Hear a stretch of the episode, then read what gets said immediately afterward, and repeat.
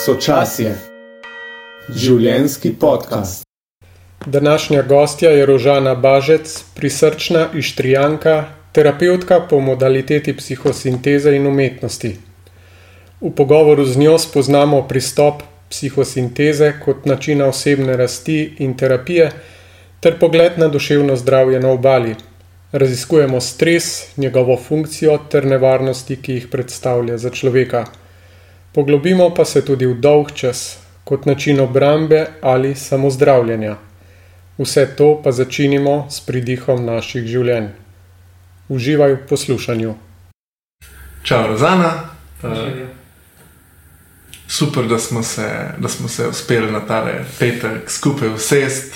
Uh, danes se poglobili v ta svet psihosinteze, kaj sploh to je. Uh, ampak tako si predstavljam, da je to ena pot do tja, mogoče čisto za en tak začetek.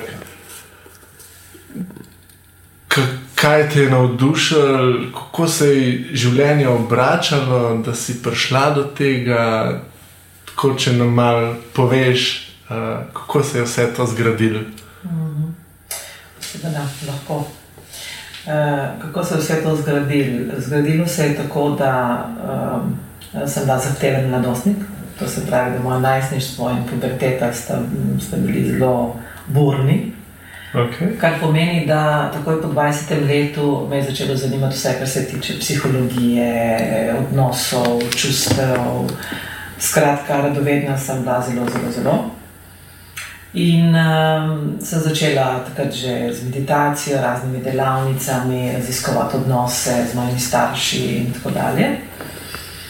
In prva stvar, katero sem se, tako, s katero sem se mogoče nekako našla, povedala, prišla do neke resonance, je bila čustvena inteligenca, ki smo jo takrat s kolegi v Ljubljani na Zavodu za izobraževanje, vzgoj, razvoj in kulturo že leta tam okrog leta 90 eh, v bistvu ustanovili, izvajali po celi Sloveniji in tako. In tisto je bilo en tak prvi moment neke moje, mojega, mojega občutka, da sem se našla in da tam noter s tistim lahko zaresonira.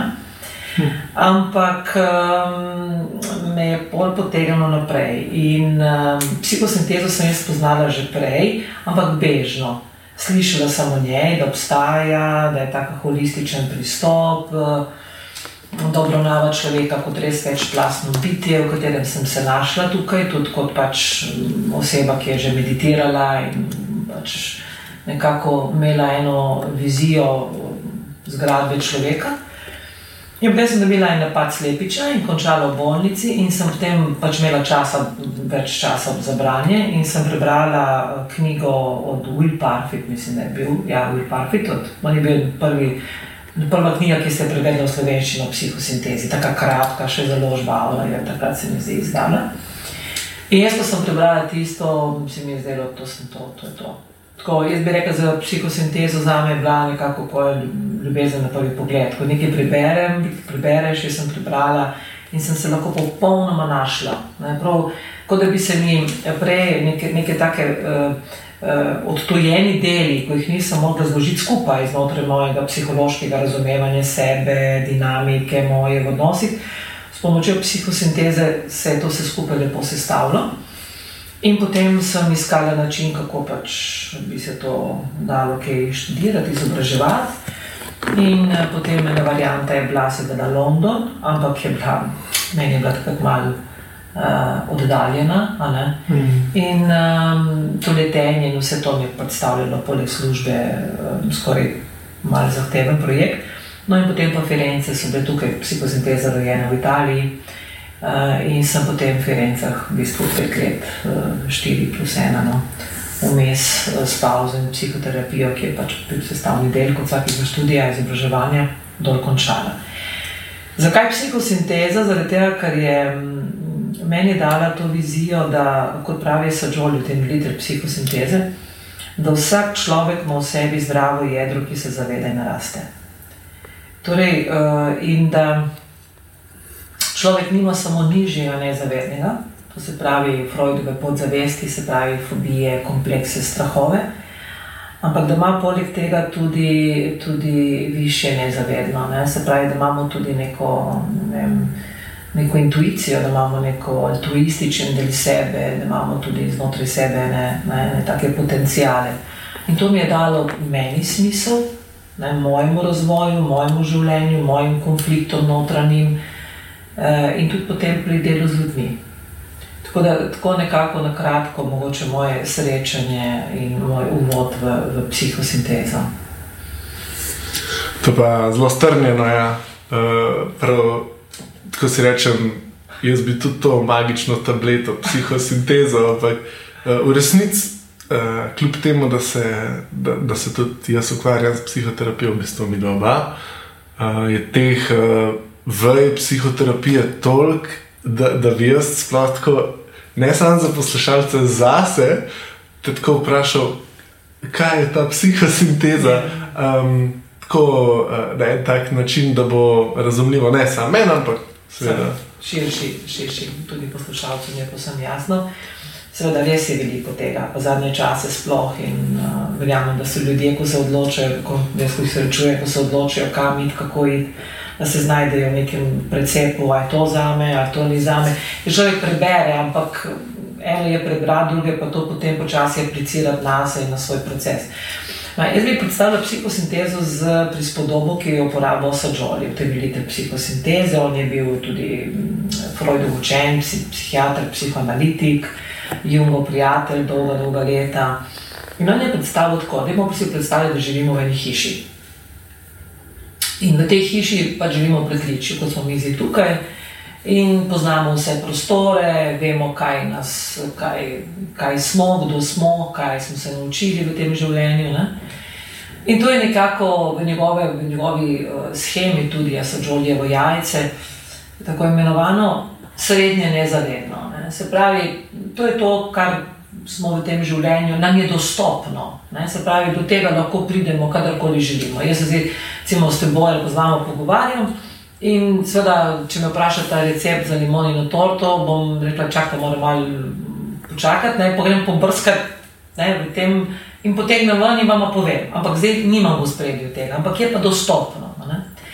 Polno pravi, zdaj se pa dajmo mi predstavljati, da nekega dne tako naletimo ne na vrata nekje, pup, odpremo ta vrata in vidimo ene stopnice, tako peljejo dol, eno tako temno, vlažno, zadevo, ne? klet. Ne? Aj, aj, aj. Seveda, že samo ko odpremo vrata, mm, ne? strahovi, ne? že kakšne take, že pajki, visijo mreže in tako naprej. Ampak ja, to je to nižje nezavedno, ne? to je to nižje nezavedno, se pravi klet, ne? tukaj je Freud bil. Uh, zelo dragocen za, za, to, za to polje uh, ne, naše psihe. In to je pač treba je tudi dol pogledati v klet. Ne. Se v kleti najdemo, seveda, mumificirane podgane, vso karamarijo, bi rekli primorci, ki, ki smo jo nekam samo odlagali, ne. nikoli si vzeli čas, da bi jo. Da bi jo malo pregledali, kaj je koristno, ali ne, pa hkrati tudi najdemo stvari iz spomine, iz otroštva, lepe, takšne in drugačne. Pač klet upreje slej v tej hiši, ta vrata v klet se odprejo. Ne? In to je to niže, nezavedno, in v to je treba tudi vstopiti, pospraviti, pogledati. Ne? Tukaj je gledano z vidika psihe, so tukaj res strahovi, kompleksi, ene določene fobije. Ne? V jeziku psihosinteze bi rekli to, pa tudi tako splošno, to je preteklost. Če je to srednje nezavedno, to pritličje, v katerem živimo sedaj, je ta trenutek, je tisto recimo naša preteklost, ne? to, kar smo nekako hranili. Ne? In kakorkoli se izogibamo te kleti, uh, nas pogojuje. Pač to vemo, da je nezavedno nekaj, kar nas pogojuje z nekimi svojimi avtomatizmi, z nekimi svojimi nezavednimi vplivi. Ampak v tej hiši nekega dne najdemo tudi ena vrata in odpremo, in skozi ta vrata vidimo pa ene stopnice, ki peljejo gor, ki vodijo gor. In rečemo, čak, čak, čak, na in taka prijetna svetloba, v bistvu vsi je iz teh, iz te, iz teh stopnišč. Ne, in gremo gor in pridemo na eno čudovito strešno teraso. Ne. In pogled se razširi na eno vse strani neba. To je više nezavedno. Ne? To, pravi, to so pa potencijali človeka, do katerih pač uh, imamo dostop, ampak pogosto in veliko krat uh, se tega ne zavedamo. Preprosto nam ni bilo povedano, ali to ne verjamemo, ali pač preprosto nismo vedeli, da to obstaja. To je pa prihodnost. Se pravi, to je nekaj, kar, kar lahko razvijamo, ne? nekaj, v kar lahko verjamemo. In kar je zelo pomembno, um, nikoli Asajoli ni um, dajal v spredje prihodnost pred preteklostjo. Recimo, ne, se pravi, o, prihodnost je bolj pomembna kot preteklost. Ne. Ne? To ne gre za uh, klasifikacijo manj vredno, se pravi, klet je manj vredna, terasa strešna je več vredna. Ne, gre za samo stvar časa in zavedanja, da vse to smo mi. Se pravi, da imamo eno svojo preteklost, da imamo eno svojo sedanjost in da imamo tudi eno svojo prihodnost, eno svojo, ene svoje potencijale, ki jih je dobro odkriti. Človek, um, psihosinteza poudarja še eno zelo pomembno stvar.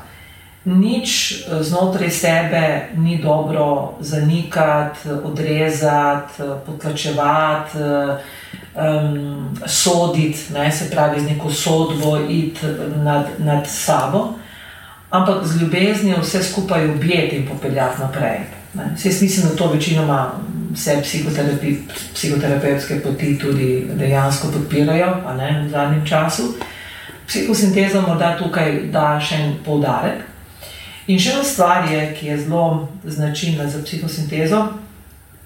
To, kar ste rekli prej, zdravo jedro, ki se zaveda in raste. Se pravi, da je v nas tisto središče, odkuder uh, lahko na nek način svojo osebnost uh, uh, v nekem trenutku, ko se odločimo za psihoterapijo, jo na nek način mal, um, da najdem pravo besedo, jo. Uh, Reka, uh, oh, joj, zdaj pa mi ne pride prava beseda. Mogoče moraš to kakšno drugo sobo prikliči. Ne, veš, prav, prav kot da bi, da, da, da zrušiš obstoječi sistem, Aha. ker ne funkcionira več, ker ne funkcionira. Ker, ker jaz je v bistvu ponovadi vedno, kadar sistem ne funkcionira, pomeni, da je jaz ujet v neko identifi napačno identifikacijo.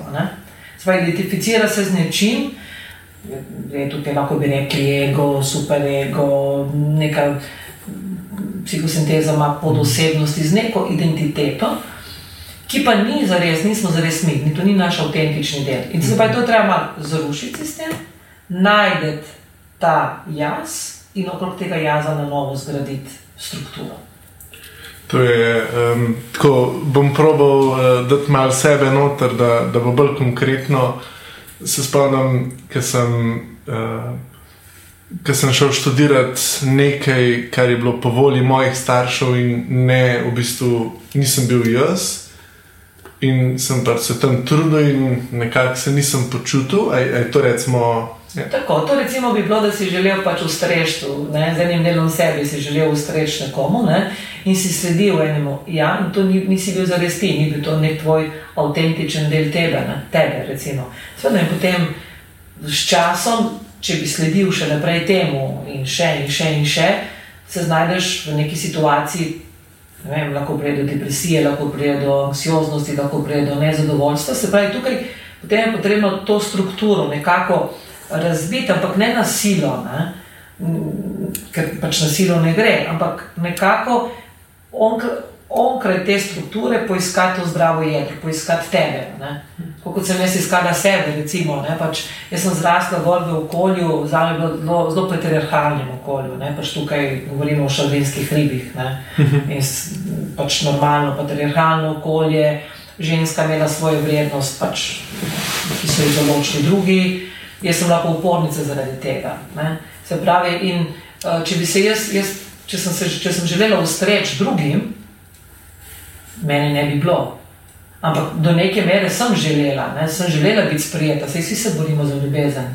Ne? In ljubezen vemo, da jo dobimo samo tako, če, če ugajamo drugim. Ne? Hmm. ne samo tako. Ne? Ne samo, ampak v nekem odraščanju takrat. Uh, Je pogojene ljubezni, žal, preveč. Kaj je tebe tako uh, ki si rekla, na eni strani je upisala ta del upornice, ki si je želel enega preboja, pa mogoče enega drugačnega odnosa, pa po drugi strani to. To neko patriarhalno okolje, ali pa pač kjer se je že vnaprej določeno, kako moraš biti, na kakšen način tudi si zaslužiš ljubezen, pozornost, odnos. Tako, kaj je bilo tisto, kar je prevagalo, da je ta preboj naredilo?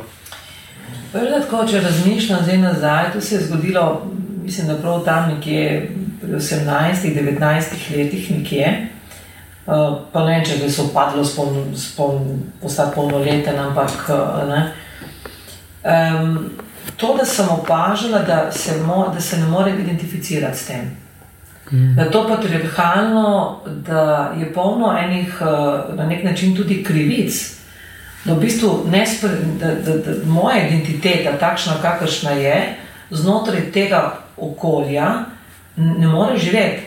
Škoda, da bi moj, ko, moj jaz ne, ne mogel se izražati tam. Mislim, sem gledala, da to nisem jaz, jaz ne morem tako živeti. Ne?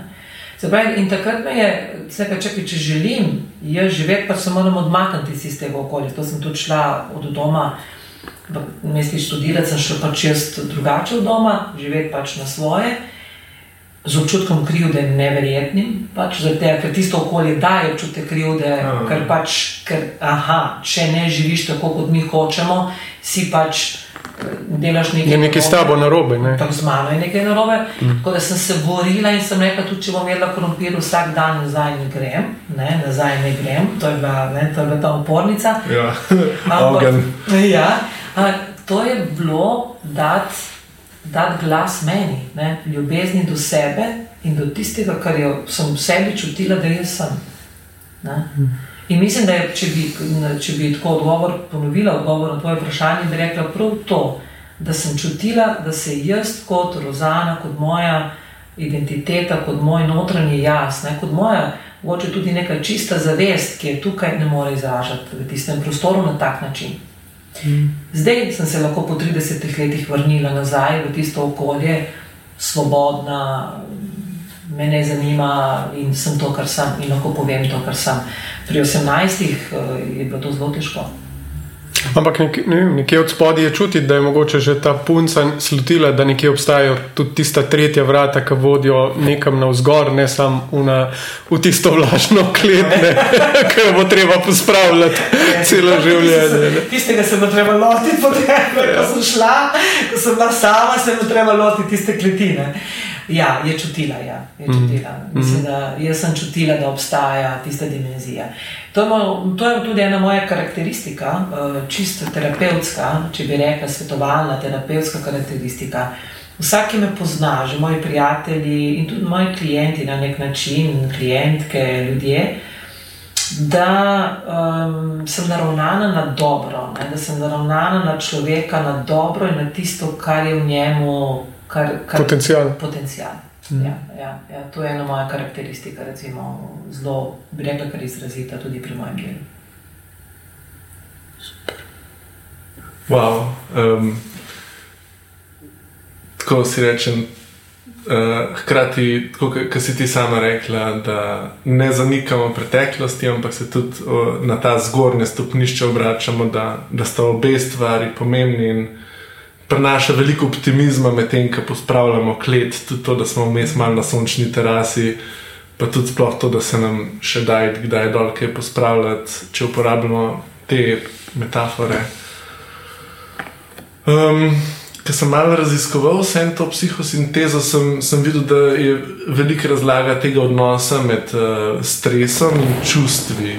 Uh, sem to, upam, da sem to prav zasledil. In tudi več vrst stresov, če sem prav. Uh... Ja, mislim, da se psihosinteza se kar z leti ne, zelo razširila in obravnava različne tematike, med drugim tudi to. Tudi to. Bi lahko, kakšne so te vrste stresa, tako, da, da malo razširimo? Le, jaz eh, bi rekla tako, da vrste stresa bi tukaj bi uporabljala psihosintezo, pa tudi nekako moje izkušnje, poleg, poleg nje. In uh, bi imenovala tri, se tukaj mislim, da je tako zelo, ne, mislim, da tudi Ihan nekako tako v svoji knjigi uh, tako pripoveduje, ampak tudi sama tako doživljam, sama gledam. Zdaj, obstaja tisti, rekel, obstaja stres, um, pač imamo reči pozitiven stres, ki ga izdoživljam. Se pravi, ko nekdo nekaj počne, uh, je pod stresom, ne, se pravi, je čuti, da telo se odziva, ampak ker je to konstruktivno, ker bo rezultat nekaj dobrega, ne, potem ta rezultat pravzaprav uh, poplača tisti stres in se nekako izravna. Ne. Potem ugotavljam, da imamo tisti stres, ki je uh, najbolj škodljiv, ampak tega je res zelo malo. Tukaj mogoče bi zelo lahko rekla, če se navežem na vojno v Ukrajini, se pravi na vojne, na, na razmere, ko res človek ne more izdati situacije. Se pravi, ko je res tako ogrožen, ne, da mm. ne, mislim, ni v njegovi moči, da bi lahko vplival na, na te stvari. Se pravi, tukaj je ujetno in tukaj res lahko rečemo, da mi ne moramo reči človeku, da je znebi se te vojne, da kaj si sekiraš, se ne bo nič. Mislim, to bi bilo, ne vemo kaj. Zdaj, to so te situacije, ko so res in ki jih je žal na planetu še vedno veliko, veliko preveč. Pol pa imamo določen, in to je ta res destruktiven in uničujoč stres, eh, ki smo ga imeli tudi nedolgo nazaj na Balkanu. In se spomnite, takrat, ko smo ga tudi z eno skupino žensk iz Anglije raziskovali, še dolje po vojni v Balkanu. Na Balkanu, kakšne posledice je, je imela tista vojna, predvsem tudi na ženske, ki so pripovedovali o svojih, eh, vse, kar so doživele. Spravi, tam se ni dalo izogniti temu. No, mi imamo pa v današnjem času veliko stresa, ki je pa seveda uh, realen, je tukaj, vendar imamo možnost, da se na njega odzivamo, oziroma da nekaj naredimo, da nekaj spremenimo. In tukaj tudi je zelo povezano s psihosintezo. Zakaj? Ker psihosinteza pravi, ne, da imamo možnost izbire. Ne? Torej, um, veliko, zelo je odvisno tudi od prožnosti naše pozornosti, naše psihe, ne, ki je pač treniramo. In, ne, kot mišice treniramo na telesu, tudi psiha ima svoje mišice.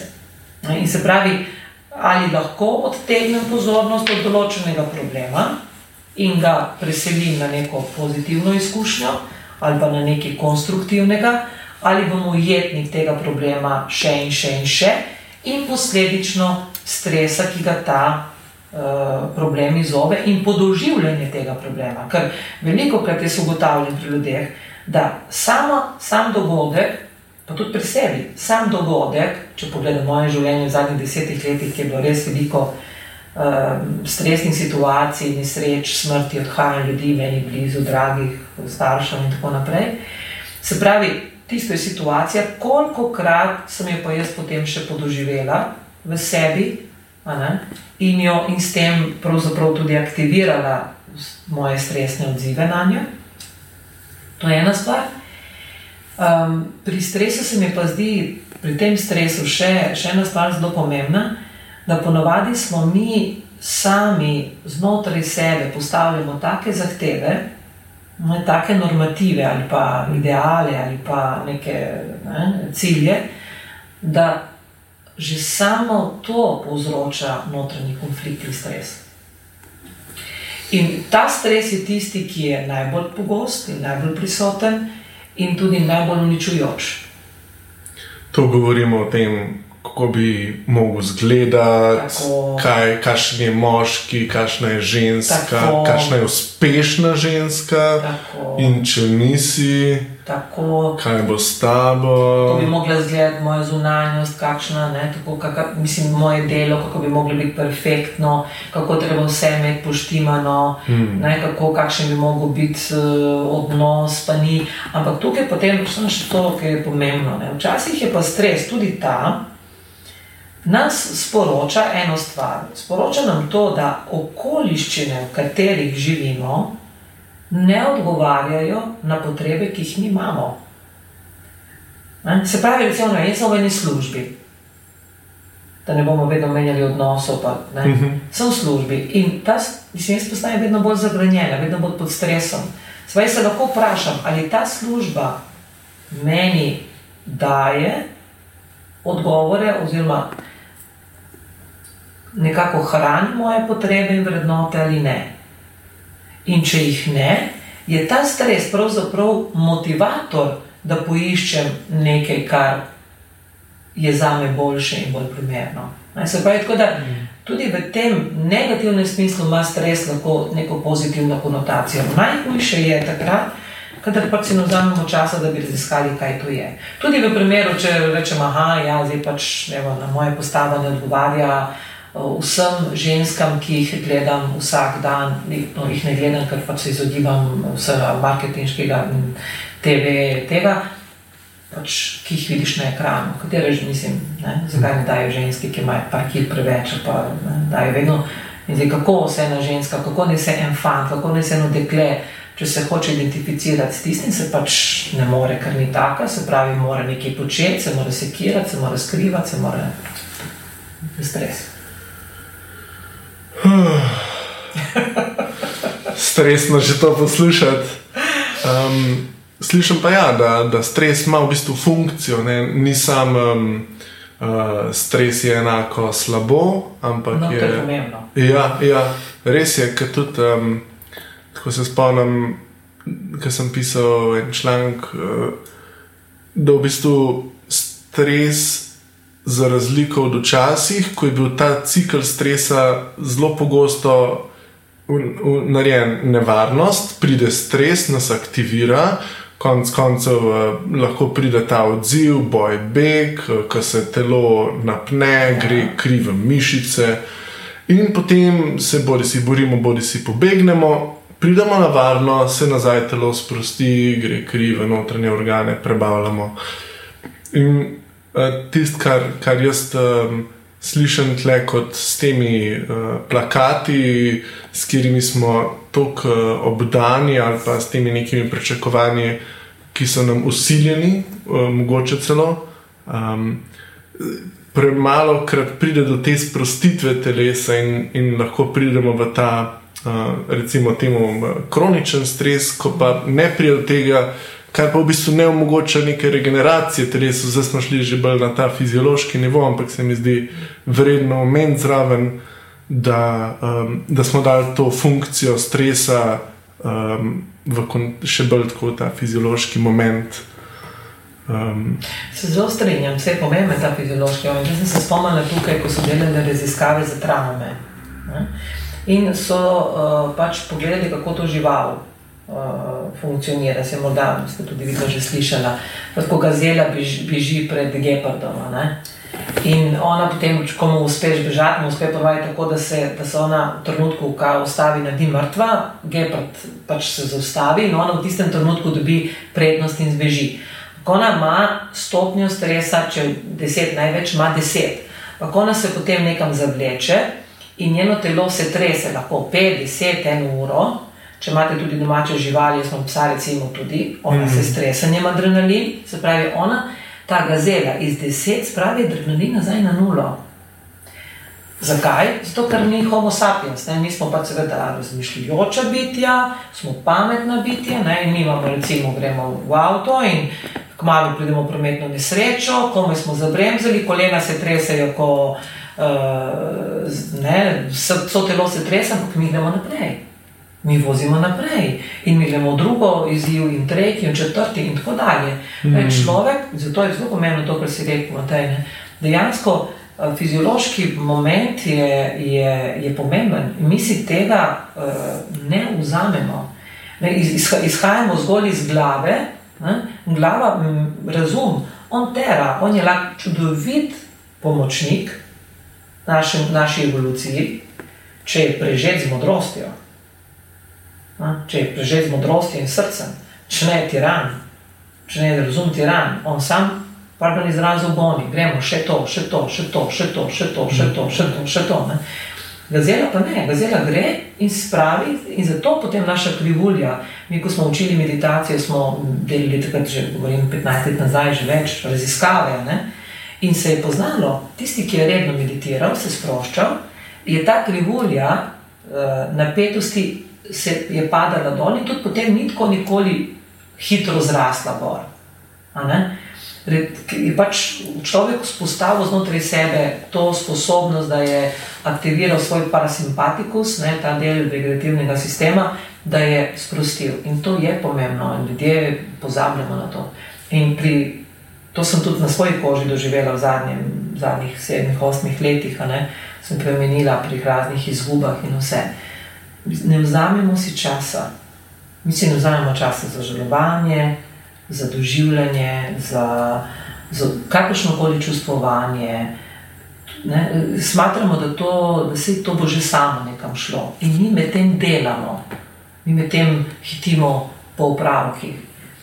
Psiha potrebuje prazen prostor. Jaz sem ugotovila pri sebi in tudi pri, eh, pri ljudeh, s katerimi delam, prazen prostor, da se ta stres, ki ga je povzročila katera koli traumatična izkušnja, pravzaprav poleže in tudi telo potrebuje počitek. A lahko še kakšno besedo rečeš o tem, kaj ta prazen prostor za te predstavlja? Ja, seveda. Sej, uh, ni ga bilo lahko najti, zato ker prazen prostor na začetku uh, spominja na dolgočasnost. Mm. In ljudje se ne maramo dolgočasiti več. Uh, in to je, to, jaz sem ugotovila, da je bilo za me to uničujoče. V bistvu, ker jaz že moja mama bila hiperaktivna ženska, ne, zelo hiperaktivna, delovna. Se pravi, jaz sem zrasla gor v, v, v delovnem okolju, se pravi, ko je bilo delo vrednota in si mogla nositi nekaj početi, ne sedeti. Sedenje je nekoristno. Ne. Torej, se pravi, sem že imela jaz ta introjekt noter v sebi. In po vseh teh izkušnjah. Um, sem na nek način, verjetno tudi instinktivno, uh, kot en beg, tudi, veš, pa še malo več dela, pa še malo več dela, pa še malo več dela. Pa kaj, kaj je pomenilo? Pomeni, da nisem dala prostor žalosti ob odhodu očeta ali mame ali psa ali partnerja ali življenja, iz, ki, kar je preneslo in odneslo. In sem se potem začela učiti, prav, prav učiti, prav truditi ustvariti ta prazen prostor. To se pravi, ne početi nič. To se pravi, eh, vsak dan ali koliko je šlo, pa sedeti in gledati. Mogoče dihati, mogoče iti na sprehod, mogoče ja neki glasbe dati v zadju ali pa nekaj prebrati, kar je navdihujočega, ampak tudi prav nič. Se pravi, ne da bi imela nek poseben namen, kaj hočeš doseči ali kam priti. Ali... Ne, ne, pa samo biti. Mm. Samo biti tisti trenutek tam in pustiti. In sem ugotovila, da to sproži v psihi eno izredno, izredno blagodejen občutek. Sanje so postajale bolj, skozi sanje potem tudi se psiha lažje čisti. Uh, in, in dobesedno prav to spominja na dolgočasnost, in zato mislim, da ljudje tega dolgočasnost je mm. nekako ne najbolj zaželjeno stanje. Ne. Ja, jaz sem se brez um, nobenega cilja, pa čeprav meditiram, um, rada berem, čeprav zadnje čase absolutno premalo. Um, imam izredno rada naravo, to se pravi, poskušam biti fizično aktivna do neke mere. Ampak poleg tega, koliko le znese, ja, prazen prostor, da sedim, zrem v nekaj ali v, in pustim, da, da sem, samo da sem. To se sliši tako na prvi pogled zelo.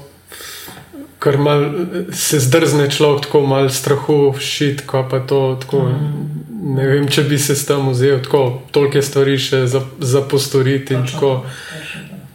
Ta prazen prostor je tako, kar mal nevaren. Je nevaren in ljudi, ljudi, ljudi, ljudje imajo strah pred tem. Mm. Ker v bistvu mi smo, mi smo ljudje, ra, živimo v času, ko je storilnost uh, izredno visoko kotirana kot vrednota, zelo tak. Ne? In uh, to um, eno brezčasje, meni je všeč, Piero Feluči je bil moj, moj, moj psihoterapeut, moj mentor, danes moj prijatelj, je napisal knjigo o lepoti. In tam noter razlaga, lepota in duša knjiga. Razlaga o pomenu brezčasja. Kako padeti v brezčasje?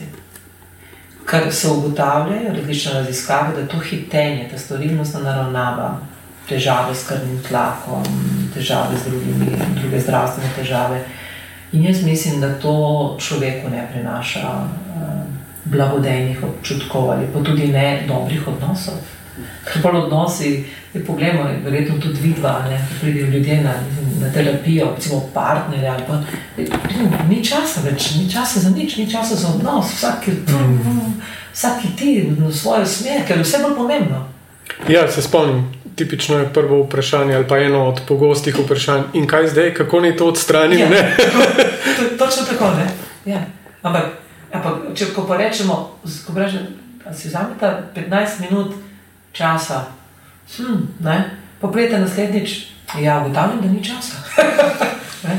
torej, ta stvorilnost, ta, ta obremenjenost uh, s tem je v današnjem času, se mi zdi, da izredno osiromaši odnos do sebe, do svojega globlje, do na, naše vlastne globlje narave in tudi tistega intimnega, pristnega stika v medsebojnih odnosih.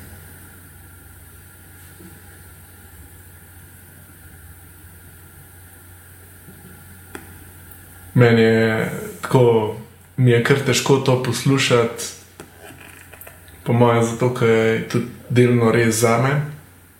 Um,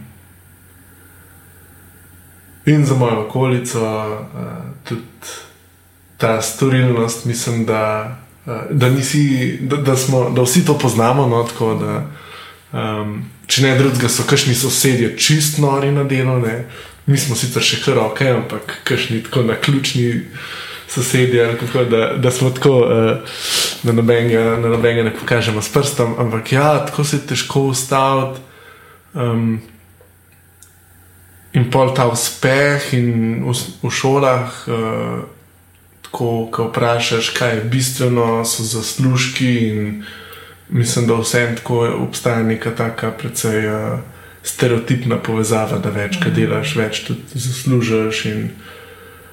Moš trdo delati, moš veliko delati. In na koncu, zakaj ne, zakaj moramo to? Um, a zaradi sebe, a se mi bolj počutimo, um, ali na drugi strani ta prazen prostor v bistvu bolj strašen.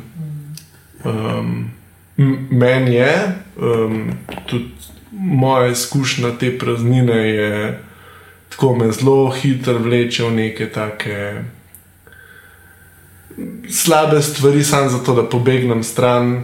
Um, pa je delo eno izmed uh, takih, kako bi rekel, zdravih pobegov, ampak v resnici pač je vse še vedno samo pobeg.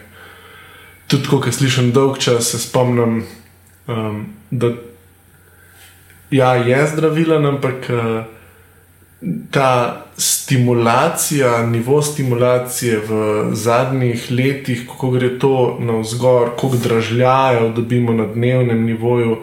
In kako hitro se začnemo dolgočasiti, in kako huda je ta stiska, da spet rabimo nekaj.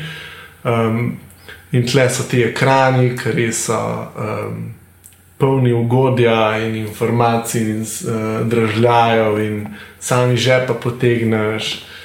In že če tako, če vsak pri sebi pomisli, uh, a na večju je kdo na telefonu.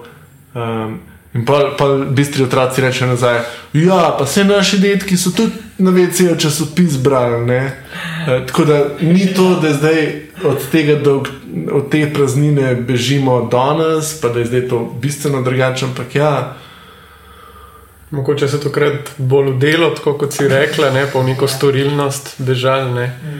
Uh, tako, ne, naši detki, eh, tudi skozi zgodovino, če pogledamo, so potem po vojni, če pogledamo, ne prvi, drugi, ne, gradili ne, nazaj stvari, ne, eh, gradili državo, gradili pogoje za življenje in vse so bili res usmerjeni v to. Ne.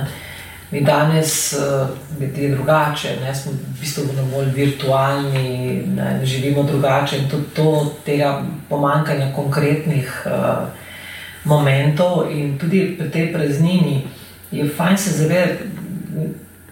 Vse lahko gremo zdaj tukaj ven in se usedemo na klopco in se samo usmerimo v eno, eno vejo enega drevesa in komod lahko zremo v tisto vejo 10 minut. Ne? In padli bomo v brezčasje, opazovali bomo tisto vejo, je praznina, pa ni praznina. V stiku bomo z nekim, kar nas obdaja, kar je konkretnega, kar je tukaj. Jaz se ugotavljam, da, da uh, smo s časom si za, za sprostitev damo tako neke blazne velike zahteve. Ugotavljam, da je zelo preprosto pravzaprav. Ne, Leonardo da Vinci ni potreboval video igric, da je raziskal svoj um. Ne? Je pa šel naravo, je gledal, kako veter piha, kako reka teče, opozoval to, kar ga obdaja. Vse se strinjam, časi so se spremenili, tukaj je 600 let minilo, ampak tudi mi lahko to, to praznino, ki si jo omenil, doživljamo drugače, ne kot neko praznino, kamor bi nam pozorno začela bežati v nekaj, kar je nezaželjeno. Lahko se samo pogled usmerimo v nekaj, kar je konkretnega, živega, lepega okrog nas. In, in psiha bo, bo drugače se odzivala.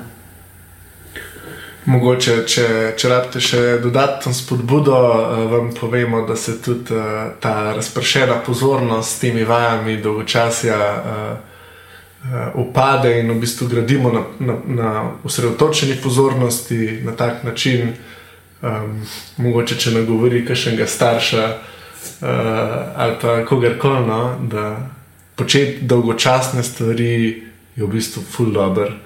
Uh, ni lahko. Uh, ampak je zdravilno. In, in...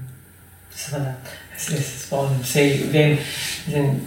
Ne bom rekla, da je to kritika, ampak bom samo rekla, da je da, ampak, dejansko stanje.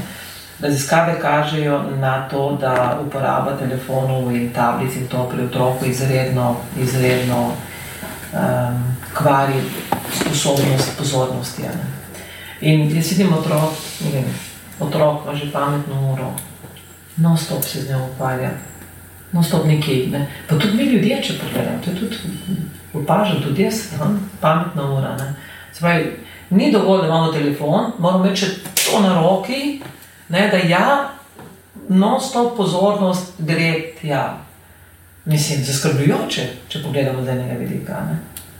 Ker zdaj mi smo tukaj in jaz gledam vaju v oči, se pogovarjamo. Tako če bi imela uro, tako, aha, vsako toliko bi že pogled, že pozornost gre stran. Se pravi, ne bi bila res pristna tukaj in zdaj z vama dvema. In kjerkoli smo, je tako.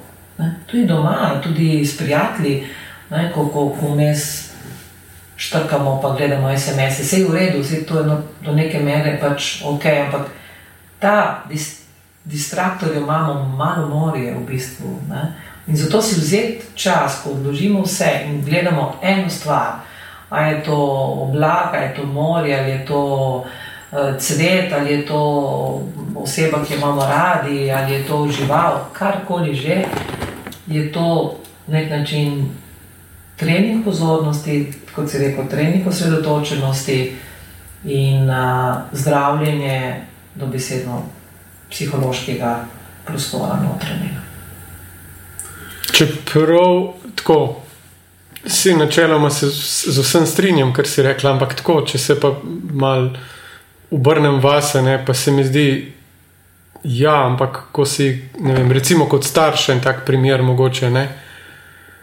Mogoče še verjameš v to, bi tudi poskrbel zase, Ampak, ko pa vidiš vem, svojega otroka, da se začne dolgočasiti, ne, da nima nič, s čimer bi se ukvarjal, pa to postane kar nevarno in bi ga kar takoj neki bi mu dal, da se more zaposliti, oziroma včasih, ker nimaš časa se s tem ukvarjati, je tudi telefon ali pa tablica, računalnik ali pa televizija, ne, priročen, mogoče izgovor ali pa sredstvo za zapolnitev. In se mi zdi tako, da da v resnici je kar nevarno zdržati to praznino, ne? ker se nam zdi, da tudi ko druge gledamo, ne? da se kar čutimo dolžne, da uh, to, da je nekdo se dolgočasi, ne? to je nevarno. Moramo to takoj ustaviti, ker kaj se bo pa zgodilo. In...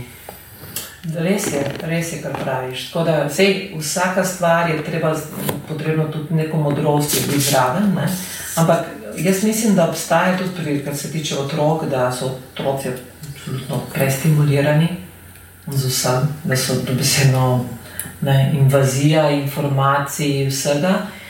In da tudi oni več zelo težko, če opazujemo otroke, se sami zaigrajo ali pa najdejo tisto svoj način, kako bo pa on zdaj šel v en proces igre, v neko dinamiko, v neko interakcijo. Ne? In res je, danes starši, um, jaz ugotavljam, da nasploh je frustracija, ki jo doživljamo znotraj sebe, včasih velika uvira. Uh, zato, da, da iz lastne frustracije, ki ne znamo uh, predelati, jo projiciramo in oziroma poskušamo pol, ne, preko drugih. Preko to. drugih, ne da otroci regulirati. Ja. Zaseden, neko, da sem jaz v frustraciji, kaj pa če slučajno, ne, se pravi, kaj pa pustiti, pustiti pa, da vidimo, ne, kaj se bo zgodilo. Pustiti otroka mu zaupati, da bo našel pot do ene svoje, svojega interesa.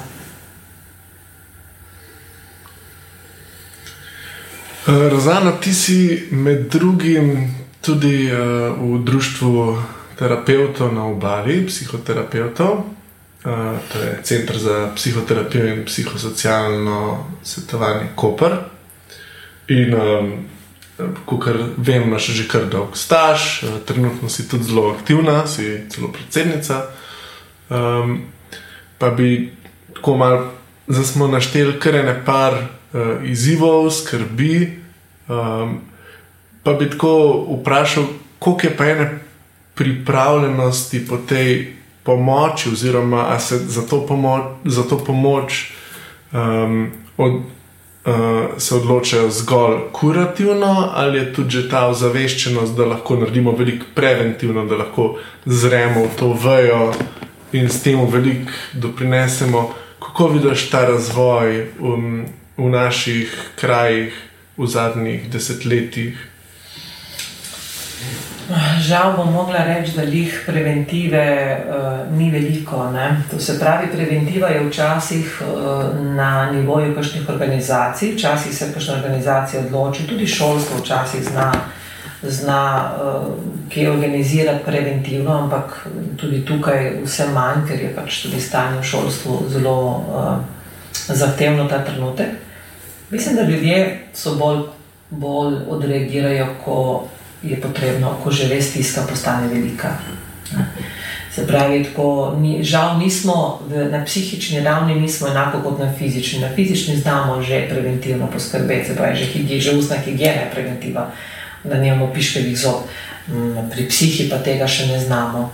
Tako da pri psihi, ko stisne, ko fajn stisne, takrat, takrat. in to lahko vidimo tudi zdaj po post-COVID obdobju.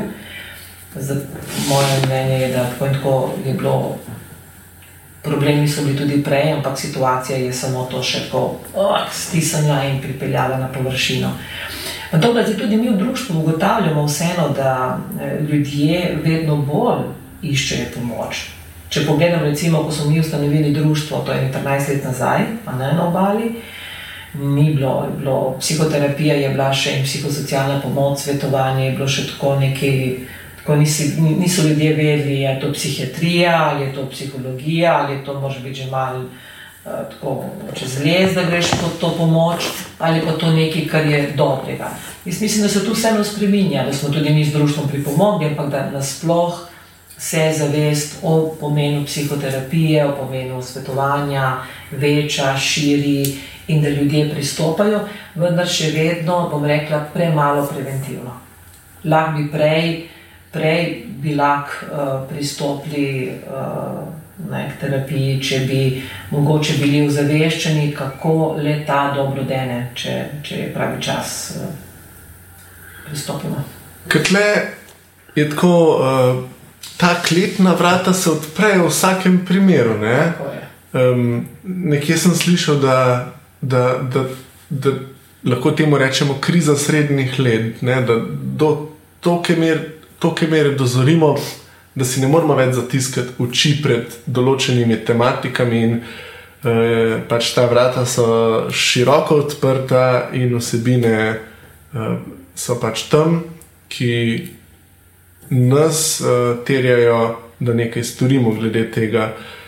Tako da eno tako vabilo vsem, da lahko to storimo preventivno, lahko pa te vsebine pač pridejo za nami. Um,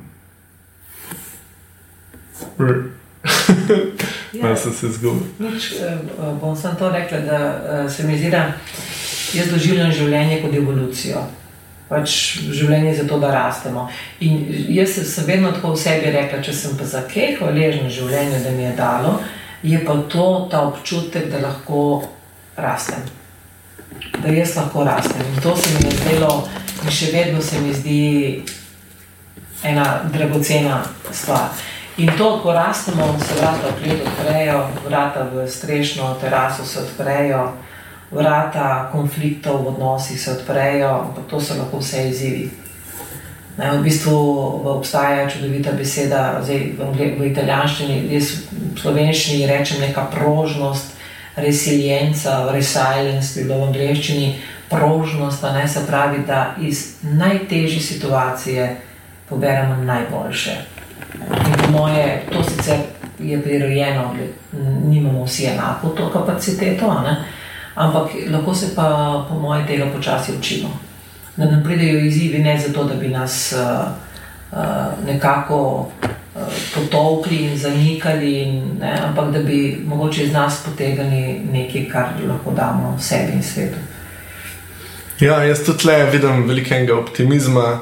Um, se spomnim, ob študiju sem ugotovil, da veliko enih inteligenc, ki jih imamo, prostorska, matematična, glasbena, se nekako um, zgodaj razvijajo in um, tudi ta nek, uh, kar smo uspeli v zgodnem obdobju razviti, to ključno vpliva na to, kako daleč bomo prišli v življenju. Medtem ko čustvena inteligenca je pa ena redkih, ali celo edina, uh, ki omogoča, da to tekom celega življenja raste. Ne? To je ta prostor za rast, ki ga omenjaš, ki ga vsi imamo, vsi imamo to kapaciteto in se mi zdi to res eno vabilo.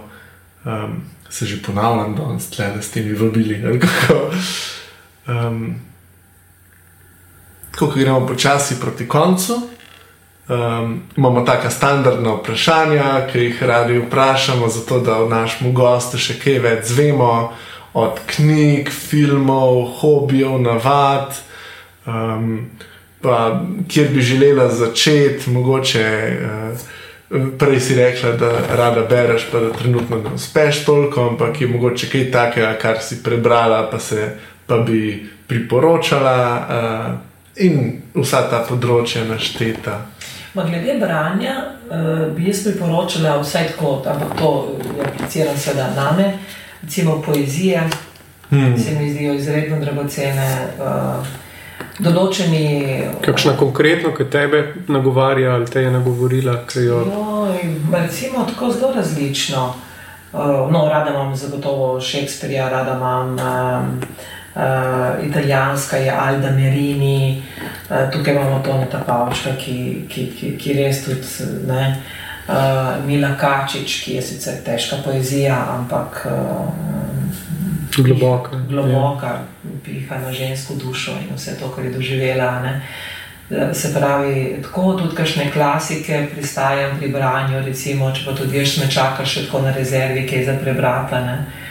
Um, recimo ena božanska komedija Dante Ligieri, ki je seveda, je treba se tudi jaz prebijem skozi, mi smo jo psihosintezi tudi obravnavali in tako, ker je pač res ena taka um, celostna obravnava ne, tega potovanja človeka in kako skozi različne labirinte življenja in spone in pace in tako, tako da uh, to.